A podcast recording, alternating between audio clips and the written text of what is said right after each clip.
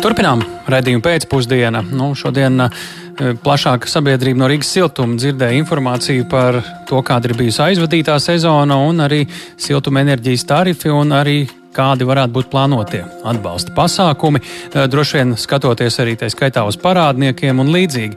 Un eh, mēs arī sazināsimies pēc brīdiņa ar Sabiedrisko pakalpojumu regulēšanas komisiju par to, kas kāda aina šobrīd ir citās lielajās Latvijas pašvaldībās. Eh, Rīgas siltuma valdes priekšsēdētājs Normons Tālcis pie programmas pēcpusdienu klausos šobrīd. Labdien! Tāčkungs, vai jūs mūs dzirdat? Labdien! Jā, tagad mēs jūs arī dzirdam. Jā. Jā, uh, Kā jā. jūs šobrīd sacītu, uh, cik daudz, kāda ir bijusi situācija dažos vārdos apkuras sezonā, tajā, kura ir jau aiz muguras, un kādi secinājumi no tā mums ir jāizdara uz nākamo apkuras sezonu, kur solās būt visai karsta, bet diemžēl ne temperatūras, bet cenu ziņā? Jā, nu, aktuālākajām Rīgas eh, siltuma vēsturē, bet eh, tas eh, šobrīd tas aktuālākais. Aktuālākais ir, vai mūsu klienti ir spējuši norēķināties. Es teikšu tā, ka šī norēķina kārtība un, un kvalitāte ir bijusi pietiekoši laba. Morā to, ka rēķini bijuši būtiski lielāki nekā tas bija iepriekšējā apkurss sezonā. Visaugstākais tarifs Rīgā bija aizvadītajā apkurss sezonā. Un uh, īpatsvars no samaksāšanas īpatsvars ir principā tādā tāds pats kā iepriekš. Nu, absolūto skaitļos skaidrs, ka tie ir 10 vai, vai 9 miljoni. Tie ir liels skaitlis, bet procentuālais maksājums ir ļoti, teiksim, tu, tāds, ka tās bijis iepriekšējā gadā. Tā kā es teikšu tā, ka arī tie valdības atbalsti, kas bija pēdējos eh, apkurs mēnešos, ir devuši savu, devuši savu ieguldījumu un mūsu klienti spējuši norēķināties. Mm -hmm. nu, ko, daudz vairāk jau viss, būsim godīgi, interesē nevis kā ir pagājusi iepriekšējā sezona, bet kāda būs nākamā. Bet ņemot vērā iepriekšējo sezonu un to parādnieku uh, skaitu, summu, demografiju, jo uh, jūs droši vien skatāties savos ekceļos uh, un redzat kaut kādas mājsaimniecības un tendences. Uh, Ko jūs prognozējat, ņemot vērā to, ka ir gaidāms ļoti būtisks, pat vairāk nekā simtprocentīgs uh, siltuma tarifu kāpums, ļoti iespējams? Uh, ko mēs varam gaidīt attiecībā uz uh, parādu struktūru? Ko jūs redzat, ar ko jūs rēķinaties? Nu, mēs reiķinamies to, ka tās parādos apjoms pieaugs. To mums jāgatavojas. Mums ir šo īstermiņa kredītlīnijas nu, saka, iegūšanā. Nu, bankās, kas šobrīd bija pagājušajā apkursu sezonā, bija 29 miljoni, lai norēķinātos ar, ar siltumnīcas piegādātājiem šajā nākošajā apkursu sezonā. Droši vien tas būs lielāks summa. Negribu teikt, ka tas ir divreiz lielāk. Es domāju, ka nē. Es ceru, ļoti ceru, ka valdība tomēr atradīs iespēju kompensēt šo lielo pieaugumu, bet pieaugums, jā, tas ir šobrīd gaidāms, ņemot vērā TTF, gāzes TTF cenu un Latvijas energo iesniegto tarifu režģi. Nu, mēs gaidām, ka tas varētu būt tiešām kāda 100, 100 vai 100% pieaugums apmēram. Mm -hmm. Tas Jā, jūs pieminējāt valdību. Nu, padodiet žurnālistam iespēju kaut kā pieķerties valdībai. Nu, kā jūs teiktu, par kādu atbalstu šeit būtu visloģiskāk runāt? Tas būtu atbalsts šīm maisaimniecībām, vai tas būtu kāda cita veida atbalsts, kas varbūt arī ar jums ir saistīts, lai šie parādi neaugtu? Kā jūs to redzat? Jā, nu šie trīs mēneši, kas bija atbalsts, kur bija 68 eiro griezti, tie mums ļoti daudz. Tad, kā un vajadzēja norēķināties ar enerģijas piegādātājiem.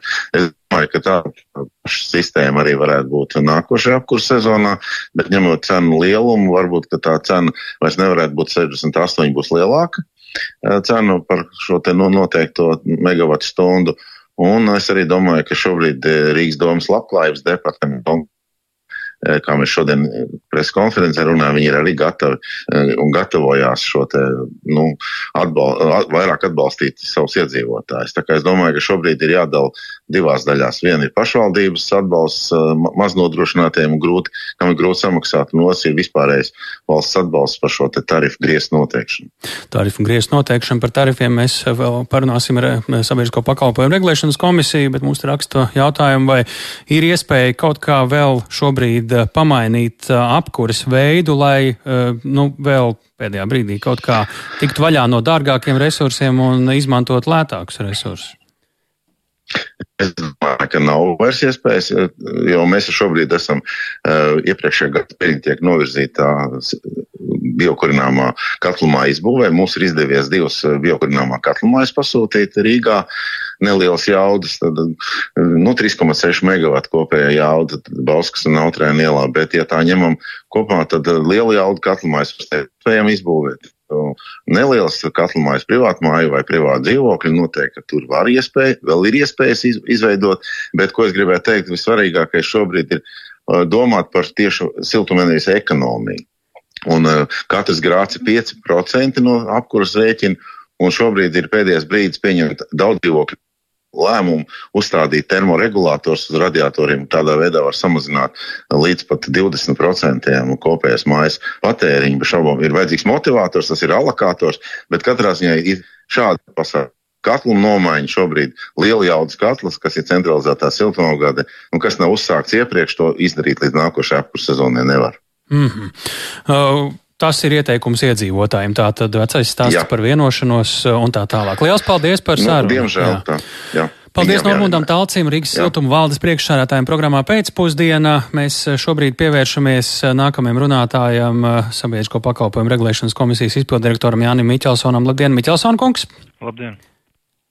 No šeit mēs dzirdējām pieminām kaut kādus griestus tarifu ko tas nozīmētu? Eh, par ko te ir runa, tad, kad jūs izdzirdat šādu veidu eh, terminu?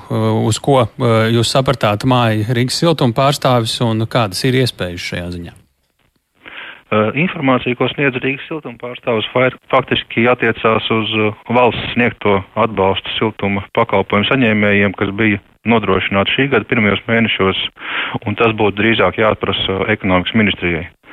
Regulātoru uzdevums Jā. ir izvērtēt komersantu darbības izmaksas un pārliecināties, lai tarifi būtu tādā līmenī, kas sedz komersantu izmaksas. Savukārt mm. iepriekšējā apkurs sezonā, kad bija šis te negaidītais straujais energoresursu cenu kāpums, tad tas bija ministrijas sagatavots un saimnes apstiprināts priekšlikums par to, kādā veidā kompensēt izmaksas gadījumā, ja tas pārsniedza, kā jau izskanēja iepriekšējā sezonā, 68 eiro par megawatu stundu līmeni. Mm -hmm. Šobrīd kāda ir aina ar siltuma tarifiem Latvijas lielākajās pilsētās? Tie jau ir eh, sezonas eh, laikā vai pēdējā pusgada laikā, kā mēs tagad visi kopā secinām, būtiski auguši. Kas ir redzams uz priekšu, vai šobrīd eh, te ir iespējams kaut ko prognozēt, kaut vai ļoti aptuveni, un tā aina ir pietiekami pārskatām, vai būs brīdis, kad mēs to uzzināsim, un tas brīdis nav tagad? Faktiski ir tā, ka daļā apdzīvoto vietu tarifs šī gada jūnija sākumā kopš pagājušā gada maija nav mainījies. No lielākajām pilsētām tur varētu minēt, piemēram, Liepāju un Ventspili. Un uh, ir citas pilsētas savukārt, kur tarifs ir pagājušā gada laikā mainījies vairāk kārt un pieaudzis pakāpeniski, vai arī bijis stabils visu apkuras sezonu un pieaudzis tagad vasaras sākumā, kā piemēram Reizeknē.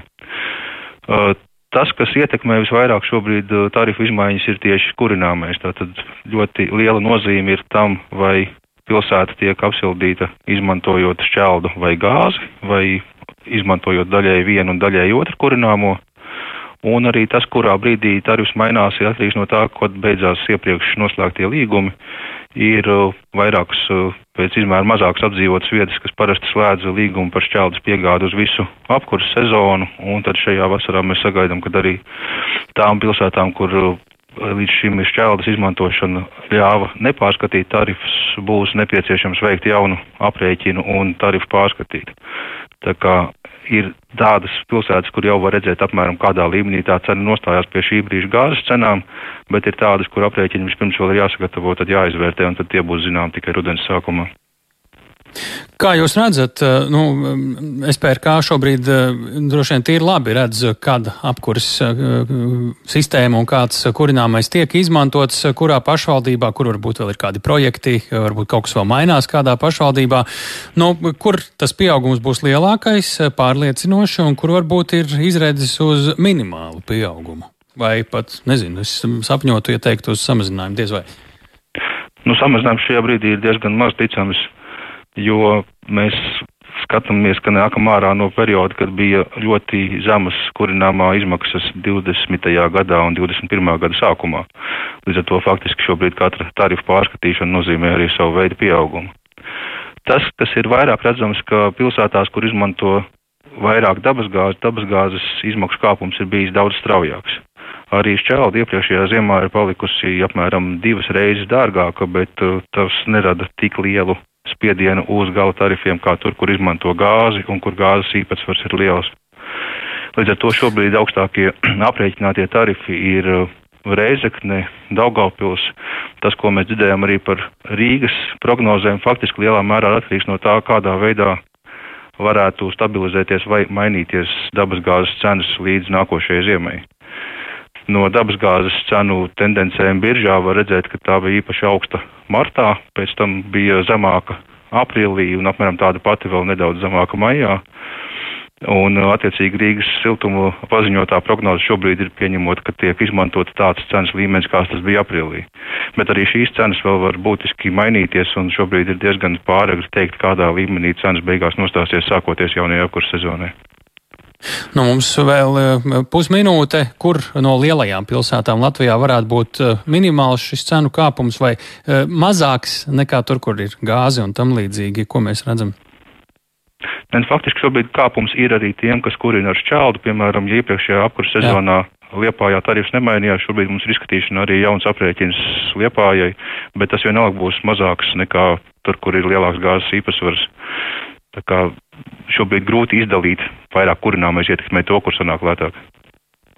Jā, nu, un es pieļauju, ka uz rudeni mēs jau šajā ziņā varētu ieraudzīt jaunus jaunumus, ka šie netuvu nav pēdējie lēmumi ļoti iespējams. Vismaz būs precīzāk cipari un lielāka skaidrība. Jā. Jā, liels paldies par sarunu Jānim Miķelsonam, sabiedrisko pakalpojumu regulēšanas komisijas izpildirektoram programmā pēcpusdiena.